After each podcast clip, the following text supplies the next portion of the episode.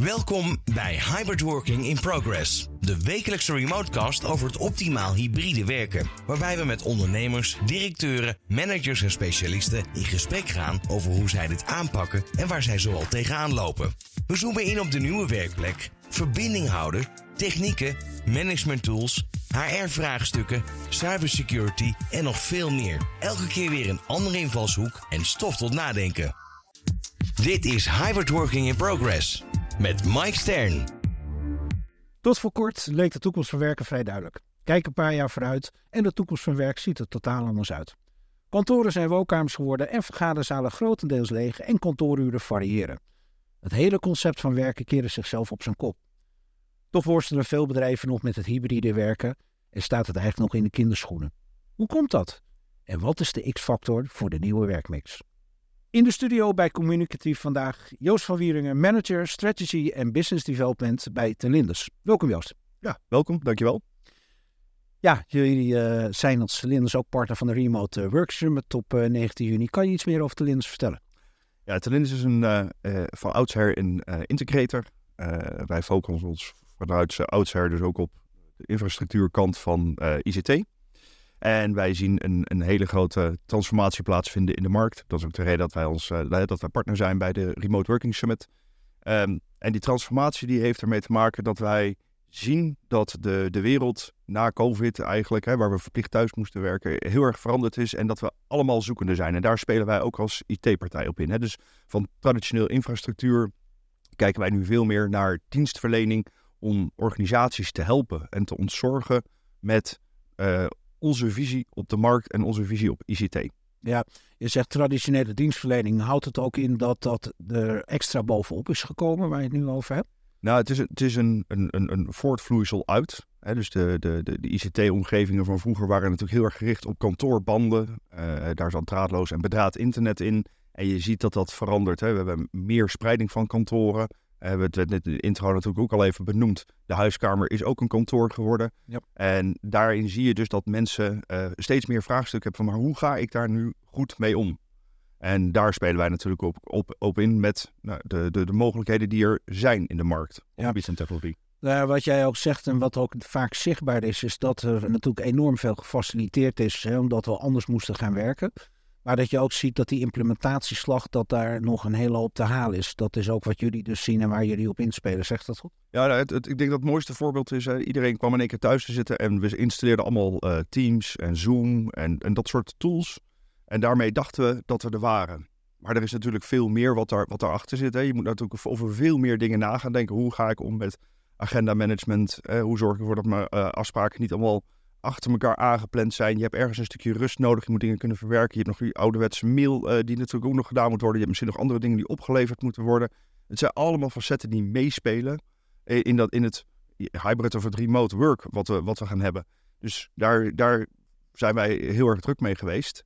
Om, om daar ook nou, dienstverlening omheen te ontwikkelen. Om organisaties juist daarmee te helpen. He, dus het gaat niet meer alleen om techniek. Nee. Het gaat ook om de mens die daarachter zit de processen die we van oudsher hadden, die heel erg geënt zijn op het werken op kantoor, daar moet ook wat mee gebeuren. Dus de, de tools die we gebruiken, de applicaties die we gebruiken, en dat heeft allemaal impact op uiteindelijk die infrastructuur waar we mee werken. Ja, de factor mensen is het belangrijkste. Je ziet ook dat, dat, dat daar op dit moment ook het meeste, ja, men daar het meeste mee worstelt binnen de nieuwe werkmix, zoals we het maar noemen. En we zijn allemaal bezig van, nou, wat is dan de X-factor om het goed te laten werken?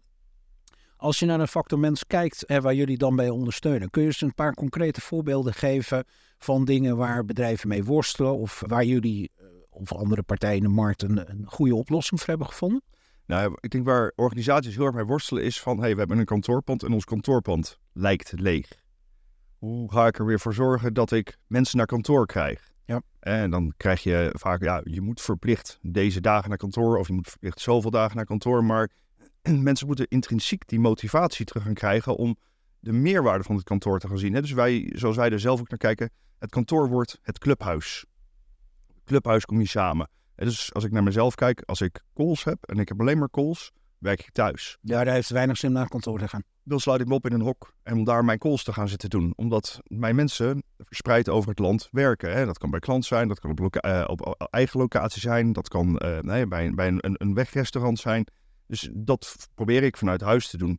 Maar de dagen dat ik naar kantoor kom, dat zijn de dagen dat ik zo min mogelijk in mijn agenda heb. Want dan kan ik met de mens mijn werk doen. Dan kun je praten met elkaar, dan zie je elkaar bij de koffieautomaat. Dan wordt het wat, uh, het informele wordt eigenlijk wel weer formeel. Je gaat dingen bespreken die je anders niet zou bespreken. En je spreekt ook mensen die anders niet zou spreken. En dat stukje bewustwording, daar proberen wij organisaties ook in mee te nemen. Ja, dat is natuurlijk een heel belangrijk punt wat jij daarin ook aangeeft, uh, Joost. Is natuurlijk dat je. Kijk, het voordeel wat je op een kantoor hebt, is dat je iemand even kan aanschieten, snelle vraag kan stellen. Uh, dus je kan, je kan sneller schakelen. Dus ik denk ook de balans tussen kantoor en thuiswerken, dat, dat dat heel belangrijk is dat daar een goede balans in gevonden wordt. Even terug naar thuiswerken. Heb jij het idee dat iedereen ook echt optimaal is gefaciliteerd om goed thuis te kunnen werken? Denk het haast niet. Is natuurlijk, want er zitten ook, daar zitten heel veel aspecten aan. Hè? Want het gaat om je bureau, gaat om je stoel, gaat om de scherm, je zithouding. Dat zijn allemaal zaken die vaak op een kantoor heel erg goed georganiseerd zijn. Daar heb je de juiste stoel. Uh, vaak is die voor jou afgesteld door een externe partij, helemaal op, op maat voor jou. Uh, hoogteverstelbare bureaus, hoogteverstelbare schermen. En thuis zie je toch vaak dat men aan de keukentafel zit. Ja. En die stoel is prima. Uh, als je aan het eten bent of daar een keer een krantje wil lezen. Maar om daar een hele dag acht uur op te zitten. Daar zijn die stoelen niet voor gemaakt. Nee, ik denk niet dat die stoelen daarvoor gemaakt zijn. Nee, nee. Dat is één aspect. Nou, dat weten we ook allemaal natuurlijk. Hè. Dat was een van de eerste dingen die je tijdens de pandemie ook hoorde. Van kopen een goede bureaustoel, veel wandelen, veel bewegen, noem maar op. Als ik wat meer even naar uh, de faciliteiten, uh, andere faciliteiten kijk waarin werkgevers kunnen faciliteren. En dan heb ik het over apps, tools, programma's, uh, hardsoftware, noem maar op. Um, denk je dat daar ook nog slagen te maken zijn? Ja, daar zijn zeker slagen te maken. Je, je, als je kijkt naar wat wij vandaag de dag gewend zijn, uh, de applicatie, waar staat die? Uh, waarschijnlijk nog op kantoor misschien wel, hè, in, een, in een eigen datacenter of het wordt ergens gehost. Um, dan gaan we dus allerlei security toepassingen en regels bedenken met elkaar. Maar het wordt voor de eindgebruiker steeds complexer om erbij te komen. Je moet allerlei vormen van authenticatie, meerdere wachtwoorden. Dus daar is als werkgever heel veel in te faciliteren. Hè. Bijvoorbeeld een een, een, een one-time password of een one password zelf, zeg maar. Dus dat je naar een heel ander concept gaat nadenken van hoe ga ik mijn gebruiker nou secure, compliant toegang geven tot die applicatie met de beste performance. Ja. En, en nou praten we over performance, dat is natuurlijk een hele mooie. Um, want we zijn natuurlijk gewend, hè, eigen ervaring heb ik het ook uh, mogen ondervinden. Ik heb het inmiddels opgelost. Maar uh, mijn kinderen waren ook thuis en die zaten ondertussen op school ingelogd. En op een gegeven moment begon uh, mijn verbinding te haperen. Wat bleek, er gingen twee Playstations aan en die deden een Fortnite-update.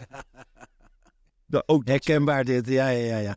ja. dat zijn natuurlijk de, de dingen die, die gebeuren bij iedereen. Ja, en dat is niet raar, maar ook daar kun je als werkgever in faciliteren. Even een andere vraag als je, daar, als je dat uh, aanhaalt, hè? want dan komen we ook bij een stuk cybersecurity terecht. Dat is, dat is een beetje duaal, want je ziet enerzijds dat ja, mensen moeten vanuit huis werken, moeten op het netwerk inloggen. Er zijn ook veel bedrijven ja, die vinden dat uh, nog steeds een probleem, hè, want dat is het bekende fort, zoals dat al genoemd werd, dat is in één keer een gatenkaas geworden. Toch zie je dat ook cybersecurity, uh, dat er heel veel over geklaagd wordt dat het een ondergeschoven kindje is, dat bedrijven dat niet goed afdekken. Zie jullie dat ook gebeuren? Ja, maar dat, dat, dat is natuurlijk ook begrijpelijk. Hè? Maar dat heeft niet zozeer alleen met, met het feit dat we met z'n allen thuis aan het werken zijn uh, te maken. Dat heeft ook te maken met de cloud shift. Hè? Dat is natuurlijk ook iets wat heel erg opportun is nu. Hè? Dus we zien applicaties verplaatsen naar verschillende vormen van cloud. Dat kan in Azure zijn, dat kan in AWS zijn, dat kan in Google zijn. En zo zijn er nog veel meer vormen van cloud uh, beschikbaar waar die applicaties naartoe gaan. Dus je ziet dus daar ook die spreiding. Dus die, we hadden het sowieso niet tegen kunnen gaan. En ze moeten nadenken over hoe komen wij op een veilige manier bij die applicatie. En dat begint eigenlijk ook bij het, de endpoint van die gebruiker. Want feitelijk is de endpoint het, het grootste gevaar geworden. Dat is de makkelijkste methode om toegang te krijgen tot een bedrijfsnetwerk. En dan heb je even voor de luisteraar die niet zo goed in deze materie thuis is, de endpoint.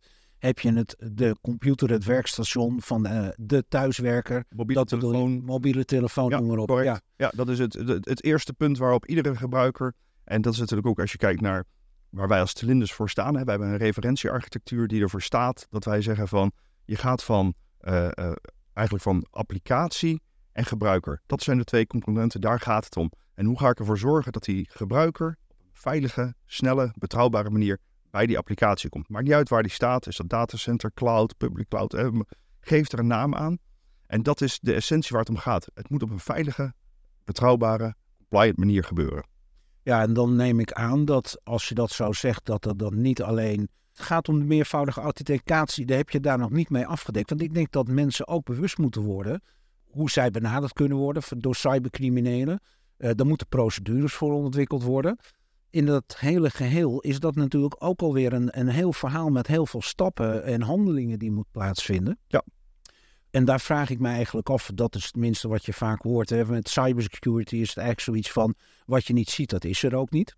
Dus het, het gaat vaak onder op de stapel van ja, het zal wel. Hè, terwijl bedrijven natuurlijk ook twee keer per jaar brandoefeningen doen en allerlei dingen organiseren om het allemaal zo goed en veilig mogelijk te maken.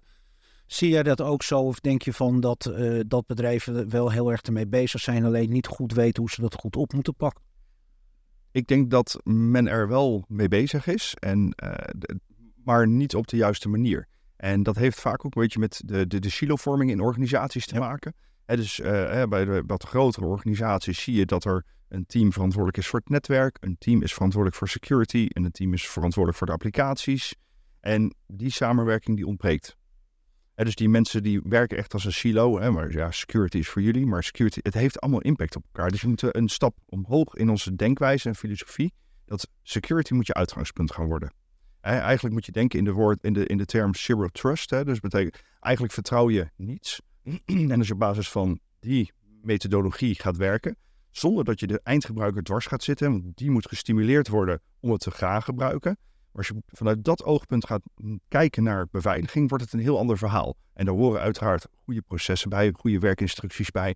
En wat, wat doe je wel, wat doe je niet? Want cybercriminelen zijn heel creatief. Die werken op heel veel verschillende manieren gaan ze jou proberen te bewerken. Dat kan via de social media zijn, dat kan via e-mail zijn. Hè. Dus uh, ik doe maar voor als je directeur, maar ik ben je directeur niet. Uh, en, uh, maar ergens op te klikken. Ja. En er hoeft niet direct wat te gebeuren. Hè. Het kan al gebeurd zijn.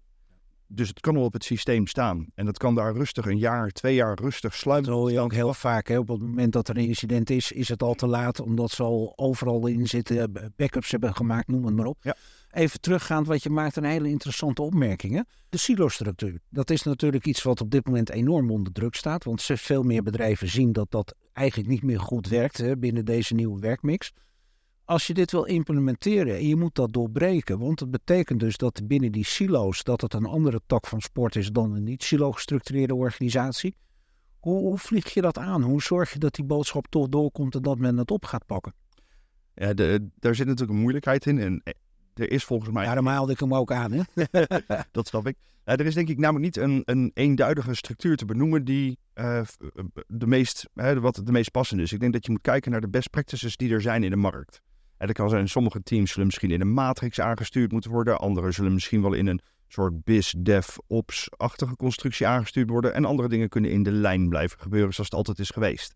En ik denk dat je daar moet zoeken naar de juiste mix. Maar als je nou kijkt naar de, de, de technologische splitsing, die zouden we in, in dat gedachtegoed eigenlijk allemaal los moeten laten. Want er bestaat geen infrastructuur zonder security. En als je alleen security hebt, dan heb je geen infrastructuur. Weet je, het is, het is zo aan elkaar geleerd. En toen ik zelf uh, ruim 20 jaar geleden begon in de IT, toen was hardware, of security was nog hardware. Ja. Dat was ook in de IT-afdeling op bedrijven, dat was een soort Fortaconix. Ja. Als je daar wat vroeg, nee, dat is gevaarlijk, dat kan niet en allemaal moeilijk en ingewikkeld. Want dat brengt mij op het volgende punt. Um, die geluiden hoor ik natuurlijk ook wel eens. Dat je, uh, ja, dat je op IT-afdelingen ziet dat men uh, veel dingen afhoudt of uh, van zich wegduwt. Omdat het voor hun ook weer een enorme workload meebrengt. Omdat dan moet geïmplementeerd worden. Mensen gaan vragen stellen. Hoe los je dat op? Hoe ga je, heb je daar een idee over? Van dat, dat zeg ik trouwens iets raars. Hè? Dat, dat die IT-afdeling heel snel een grote beer op de weg ziet van als we dit of dat doen, dan krijgen we allemaal vragen. Dat is natuurlijk wel een van de dingen waar wij als, als, als IT-leverancier ook natuurlijk tegenaan lopen. Hè? Wij, wij praten natuurlijk ook met IT-afdelingen en we worden heel vaak gezien als de, de concurrent. Hè? Dus daarmee zou de IT-manager of de IT-beheerder zou een beetje de, de, de cocoon met kerst gaan zijn. Maar dat is juist niet wat het is dit soort uh, rollen die zijn heel cruciaal. Ze moeten alleen in een, op een andere manier ingericht gaan worden. Hè. Dit zijn mensen die veel meer regie moeten gaan voeren. En functioneel moeten gaan uitvragen aan IT-leveranciers van... dit is wat ik functioneel van jou nodig heb. En niet meer nadenken over uh, uh, wel, welk merk je eronder zit. maar vraag nou eens die functionaliteiten uit die je nodig hebt. En laat dat volledig beheerd geïmplementeerd worden. En neem de regie in je organisatie. Dan haal je die hele werklast haal je weg. Want we hebben met z'n allen, dat weten we allemaal, een schreeuwend tekort aan ICT-mensen in de hele markt. Als die mensen dus allemaal bij IT-partijen zouden werken die dit functioneel kunnen leveren, dan kan zo'n organisatie in regie zich bezighouden met zijn eigen werk. En zal het ook niet meer zo zien, gezien worden als uh, de IT-afdeling werkt niet mee. Nee, de IT-afdeling staat in control en kan de business helpen, helpen vooruit te gaan. Maar dat begrijp ik uit jouw woorden ook, en dat is eigenlijk een logisch vervolg op wat we net besproken hebben. Dat je dus eerst de organisatie in moet en uit moet gaan vragen. Want dat is eigenlijk wat bij heel veel organisaties op dit moment ontbreekt of heeft ontbroken. Hè. Men is maar gewoon doorgegaan en we zitten ook natuurlijk in een soort perfect storm. Er gebeurt ontzettend veel. Maar ja, je kan me niet door blijven peddelen zonder af en toe even te kijken of er geen lek in de boot zit. Dus eigenlijk, als ik jou goed begrijp, uitvragen, inventariseren, plan van aanpak en dan naar implementatie toe, waardoor je de ICT-afdeling ook veel meer gaat ontlasten en een betere implementatie krijgt. Ja, nou dat is wel wat het is. Hè. Wat, wat, wat je organisaties wil faciliteren is een dashboard. Een dashboard waarin ze een aantal dingen gewoon helemaal zelf in control kunnen blijven doen op de dienstverlening die ze afnemen. En dat kan op netwerk zijn, dat kan op security zijn, dat kan, kan op cloud of dat soort constructies zijn. Um, maar geef ze een dashboard waarin ze kunnen zien dat ze bijvoorbeeld uh, compliant zijn aan regelgeving waar ze aan moeten voldoen. we horen heel veel in de markt nu over NIS 2 bijvoorbeeld. En wat een, een, een nieuw security protocol gaat zijn waar, we, eh, waar, we, waar heel veel organisaties zich aan moeten conformeren. Kan je dat voor de luisteraar iets toelichten dat het niet te technisch wordt? Nou, het is niet heel technisch. Het is juist vooral heel procedureel en, okay. uh, wat daarin zit. Hè. Er staan gewoon allerlei richtlijnen in waar je als organisatie op het gebied van security aan moet doen. En wat jouw uh, maatregelen zijn dat als je er niet aan voldoet, hoe je, hoe je dat soort zaken gaat oplossen. Of hoe jouw roadmap, hè, dus de, waar ga ik in de toekomst naartoe, je als organisatie om te blijven voldoen aan die regels. Hè. We, we, kennen allemaal ISO, hè, dus, ja, dat is ja, ook zo een. Nou, dit is eigenlijk een, een vorm daarvan. Ik neem aan dat een verzekeringsmaatschappij daar op een gegeven moment ook heel goed naar kan gaan vragen. Van joh, prima als je wil verzekeren bij ons, maar hoe is het geregeld, om het even plat te zeggen. En dat is het. En, en, en dan kom je dat daar, dan moet je als organisatie zelf weer een team voor oprichten. Terwijl als je het als dienst hebt afgenomen, dan kun je laten zien wat je georganiseerd hebt, het georganiseerd hebt, waarom het zo georganiseerd is en wat al jouw uh, ja, mitigerende maatregelen, maar oplossende maatregelen zeg maar, zijn om het naar de toekomst toe eventueel te gaan voorkomen. Ja. Kan jij je voorstellen dat, als ik dit zo hoor, dan kan ik mezelf tenminste voorstellen, maar jij misschien ook, dat door alle drukte, alle dingen die er zijn, personeelstekorten, uh, uh, burn-outs, uh, verzin het allemaal maar, er, ligt ontzettend veel op het bordje van het management op dit moment. Um, dat, dat er vaak aan tijd ontbreekt om dit op een goede manier op te pakken. Ja, nou dat is... Hoe zou, hoe zou je dat nou, als jij nou in zo'n silo zou zitten van een organisatie, ergens in de organisatie, in de bovenlaag uiteindelijk van het management, hoe zou jij dat aanpakken? Ja, dat is beetje afhankelijk van de organisatie hè, natuurlijk. En, en welke rol je, je hebt. Daar bedoel meer even een voorbeeld hè, van hoe zou je dat nou aanvliegen? Ja. Nou goed, ik, kijk, als ik naar mezelf kijk, als ik zie dat wij als organisatie zelf bijvoorbeeld naar een, een, bepaalde change nodig hebben, dan ga ik het, ik ga het zelf uitwerken. Ik ga het zelf uitzoeken van, goh, wat zouden wij nou kunnen doen om dit te, te gaan doen? En dat presenteer ik als een soort belief case.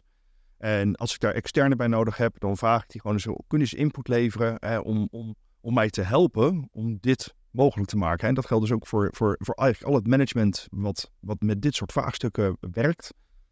Schroom niet om je vendoren, je leveranciers aan te laten sluiten in de om jou te helpen in jouw zienswijze, om dat te onderbouwen, om uiteindelijk die stap te kunnen gaan maken. En het is niet een stap die we van vandaag op morgen kunnen, uh, kunnen maken binnen organisaties. Dit is een proces. En zo'n proces heeft tijd nodig. Maar je moet er wel over na gaan denken, want we blijven maar doorgaan, doorgaan, doorgaan. En je noemt net de burn-out, ja, dat, dat zien wij natuurlijk ook in de markt. Ja. En mensen zijn overbelast. Agenda's zijn van kop tot staart. En we noemen dat de vierkante agenda, volgepland met meetings. Maar we hebben ook nog werk te doen. En wanneer gaat dat werk gebeuren? S'avonds, na het eten. Dit is natuurlijk niet de, de bedoeling geweest, maar dit is wel wat er nu gebeurt. Ja. Nou ja, het zei uh, wat je nu al eigenlijk aangeeft. En dat is wat we ook eigenlijk uh, in deze tijd zien. Dat alles is met elkaar verbonden. En je ziet als je het ene in werking zet, dan heeft het weer invloed op andere dingen. Maar het maakt dat hele proces natuurlijk ook heel erg complex. En ik had een aantal weken terug een uh, gast in de studio, uh, luitenant-kolonel uh, Harold Kelderman van de Koninklijke Landmacht.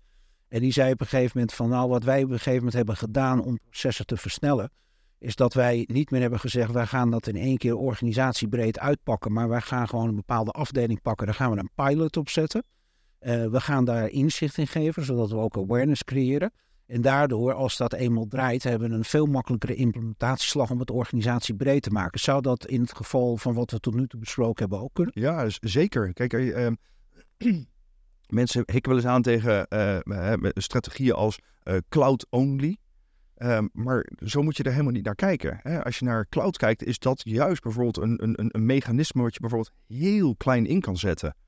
Je kan beginnen met één applicatie naar, naar een Azure of een AWS te brengen. En dat kun je gewoon, en dat kan vrij autonoom, zonder dat je daar last van hebt in je, in je netwerk. En dan kun je zien wat het doet, hoe het acteert, wat dat betekent voor je organisatie. En dan kun je volledig mee, mee geholpen worden. Maar dat kun je zo klein beginnen. En dat kun je zien als een olievlek. Hè? Dus die kan steeds groter worden. Nou, een olievlek tegenwoordig is misschien niet het juiste begrip meer. Nee, maar... maar nou, bij P kunnen we dat beter niet meer doen. maar eh, dit is natuurlijk wel eh, wat het is. En dit is natuurlijk ook in je, in je werkprocessen. Als je iets klein laat beginnen en mensen gaan zien dat het hun voordeel brengt, gaan mensen aansluiten. dus je hebt altijd een, je hebt iemand nodig die start. Je hebt een soort first follower nodig, die meegaat en denkt van ja, maar het is interessant. En dan ga je zien dan wordt dat uitgedragen en dan gaat, dan gaat het leven bij mensen. Dus dat kun je doen met, met je hele ICT-omgeving. Dat kun je doen met je, met je organisatiestructuur. Dus je kan heel klein dit soort dingetjes opzetten. Ik, riep net de term een keer, uh, bijvoorbeeld uh, biz, dev en ops. Dat is zeg maar een, een werkmethodiek waarin rollen elkaar ondersteunen en, en, en werkzaamheden van elkaar kunnen overnemen. Zodat je niet allemaal teams op, te, op te richten met in verschillende silo's. Maar het is gewoon een keten die je neerzet. Dat kun je heel klein laten beginnen. En als het succesvol is, dan kun je kijken, maar op welke teams zou dit ook kunnen passen? Het zal nooit op alle teams kunnen passen, maar je kunt het wel op die manier inzetten. En zo kun je die mix creëren.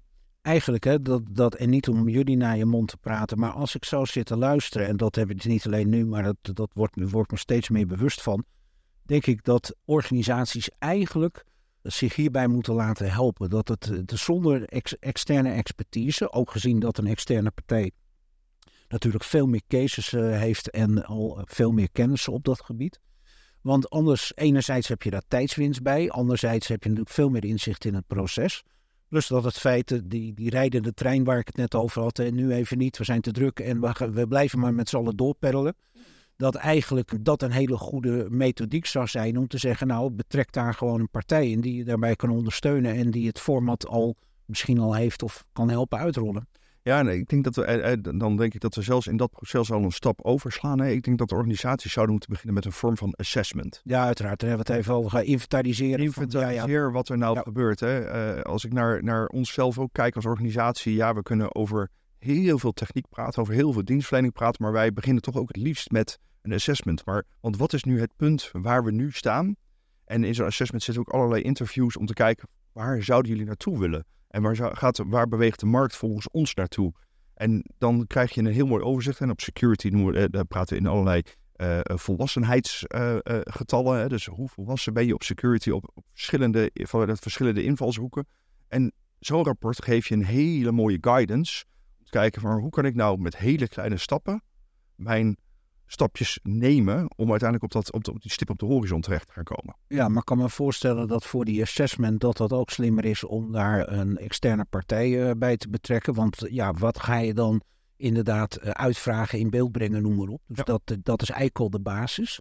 En ik, ik denk ook dat, dat het soms misschien nog wel interessanter kan zijn om zo'n assessment breder te trekken. Want er spelen natuurlijk veel meer dingen.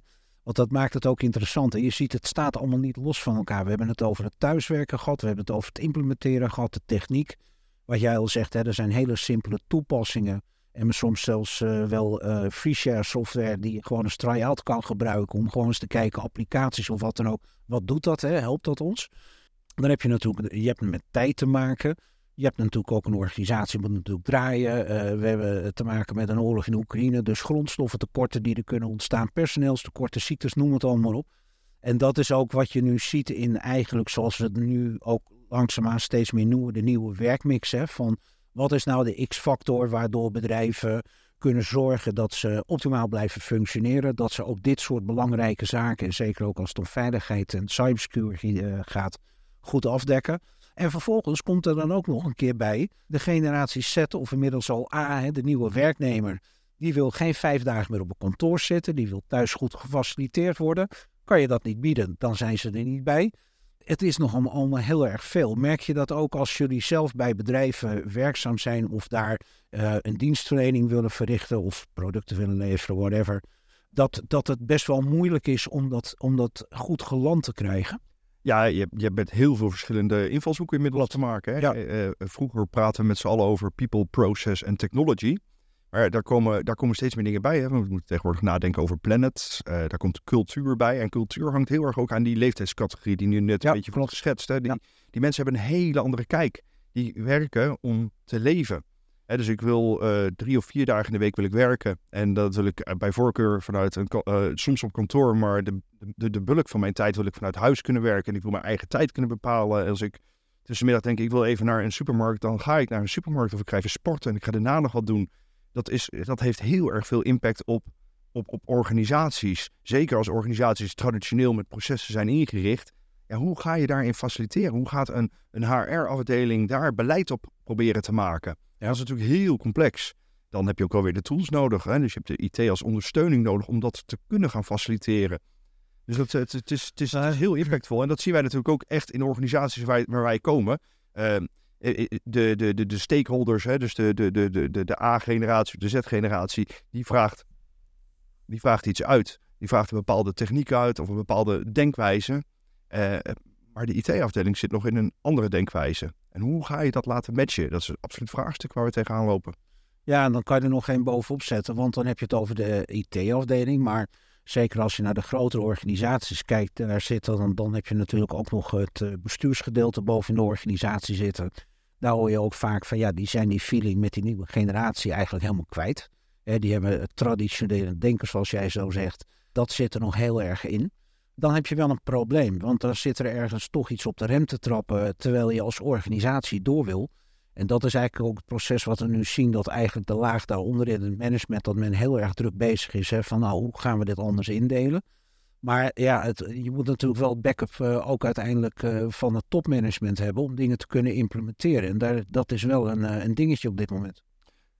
Ja, dat, maar goed, dat zijn met name bij, dan praten we echt wel over de hele grote organisaties, Ja. waar, waar, waar je nog met raad van bestuur en dat soort zaken te maken Ja. hebt. De, de, de, lagen daaronder zal dat in, in mindere mate zijn, maar wat je daar ook vaak ziet, er zit een aandeelhouder op, eh, die wellicht eh, nou, een, een, de feeling inmiddels kwijt is geraakt, hè, dus dat, dat klopt. Ja, daar zul je echt met, met, met belief cases en, en use cases moeten aankomen om aan te tonen dat je zo'n organisatie daadwerkelijk gaat helpen met het vraagstuk. En want zij zien ook uh, de afname in uh, de aanwas van nieuwe mensen. Zij zien ook het ziekteverzuim stijgen. Dus zij, zij kunnen meegenomen worden in, in het gedachtegoed waar het naartoe gaat. Maar dat, dat kost wel tijd. En daar moet je ook tijd voor nemen om die mensen mee te nemen in wat er gebeurt in de markt. Ja, nou ja, ik denk wat dat betreft, uh, maar dat geeft ook alweer aan. Het zijn verschrikkelijk veel elementen die hierbij betrokken zijn, zeg maar.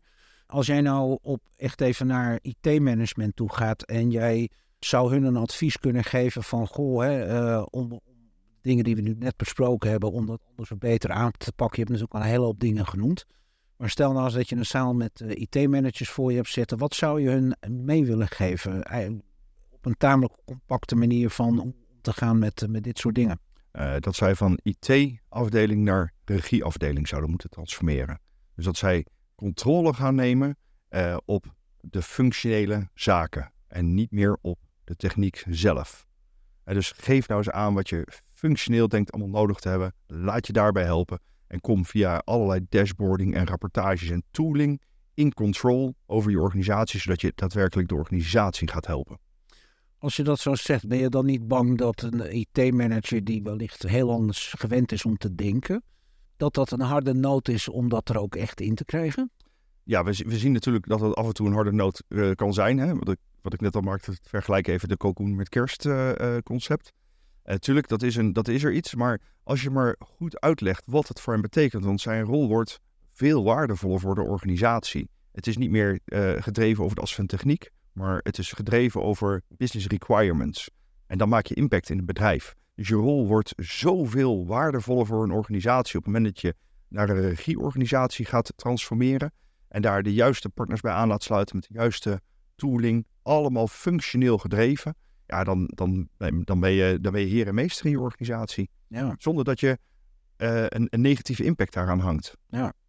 Nou, dat hoor, dan, dan zou ik denken dat ze, daar gaat meteen iedereen uh, na de Pinksterdagen vol in en mee aan de slag. Maar, nou neem ik even een IT-afdeling. Het is heel erg druk, druk, druk. Er moet heel veel gebeuren. Personeelstekort, noem maar op. En dan kom je met zoiets aan. Dan kan ik zoiets hebben van ja, dat is wel heel erg leuk. Maar wanneer dan en wie gaat dat dan doen? Dan kan je twee dingen doen. Hè. We hebben net al gezegd, nou, je zou het wat platter kunnen slaan. Je kan het ook wat kleinschaliger in de instantie aanpakken. Dan als je die elementen al meeneemt, zijn er nog andere dingen waardoor je zegt van hé, hey, daardoor zou de IT-manager of afdeling het ook wat makkelijker voor zichzelf kunnen maken? Hey, ik vind het wel een, mooi vergelijking. Hey, eigenlijk schets je het al. Het moet er nog bij, want we zijn zo druk. Precies. Maar ik stel ook daarom de vraag. Ik zie het voor me. ja, maar dat is natuurlijk wat je, wat je zou willen voorkomen, dat ze zo druk zijn. Oké, dus als je het goed aanpakt, ga je juist de andere kant op werken. Je, je gaat de andere kant op werken. Je gaat naar, uh, hè, wat ik zeg, je gaat regie voeren in plaats van dat je in de uitvoering zit. En die uitvoering zou je moeten beleggen. Dus als je zegt van, maar dit is, ik, ik heb een, een, een, werkachterstand in tickets die ik weg moet werken op mijn IT-afdeling en ik moet allerlei uh, servers en applicaties migreren en dat soort, uh, of werkplekken uitrollen, want we moeten, onze laptop moeten vervangen worden. Dat zijn concepten, dat zou je juist met een externe partij moeten. Dan kun je het helemaal functioneel maken en kun je dus die controle gaan krijgen die je nodig hebt. Ja, nou dat vind ik een mooie takeaway. Ja, er is uh, nog een hele hoop te leren en te doen uh, uiteindelijk. Even tot slot Joost, als jij, als ik het zo mag zeggen, de collega IT en ICT managers nog iets mee zou uh, kunnen geven? Is er nog iets waarvan je zegt van nou, dat vind ik een mooie afsluiting en uh, bijdrage voor deze podcast? Um, nou ja, in, in die mate heb je een, een mooie closing. Ja, nou ja, goed, we hebben het net natuurlijk eigenlijk al een beetje gezegd, hè, dus dat we in regie komen van een organisatie. Maar ik denk dat mensen moeten gaan nadenken, inderdaad. Neem in je gedachten goed in dat Pinksterweekend eens mee. Uh, people, process, technology, planet en cultuur. Nou, dat vind ik een hele mooie afsluiting. En een paar collega's van jullie uh, zijn ook op de Remote Working Summit op uh, 19 juni en gaan daar uh, dieper op in met ook nog een aantal mooie praktijkcases. Nou, in ieder geval Joost, ontzettend bedankt voor jouw komst in de studio en deze interessante bijdrage. En we zien je graag op 19 juni in het Mediapark voor de Remote Working Summit. Dankjewel. Dankjewel. Ja. Leuk dat je weer hebt geluisterd. En volgende week zijn we weer met een nieuwe Remotecast. Heb je een aflevering gemist? Of wil je zelf deelnemen aan onze live events en netwerken? Kijk dan voor meer informatie op remoteworkingsummit.nl. Deze Remotecast wordt mede mogelijk gemaakt door Communicatief.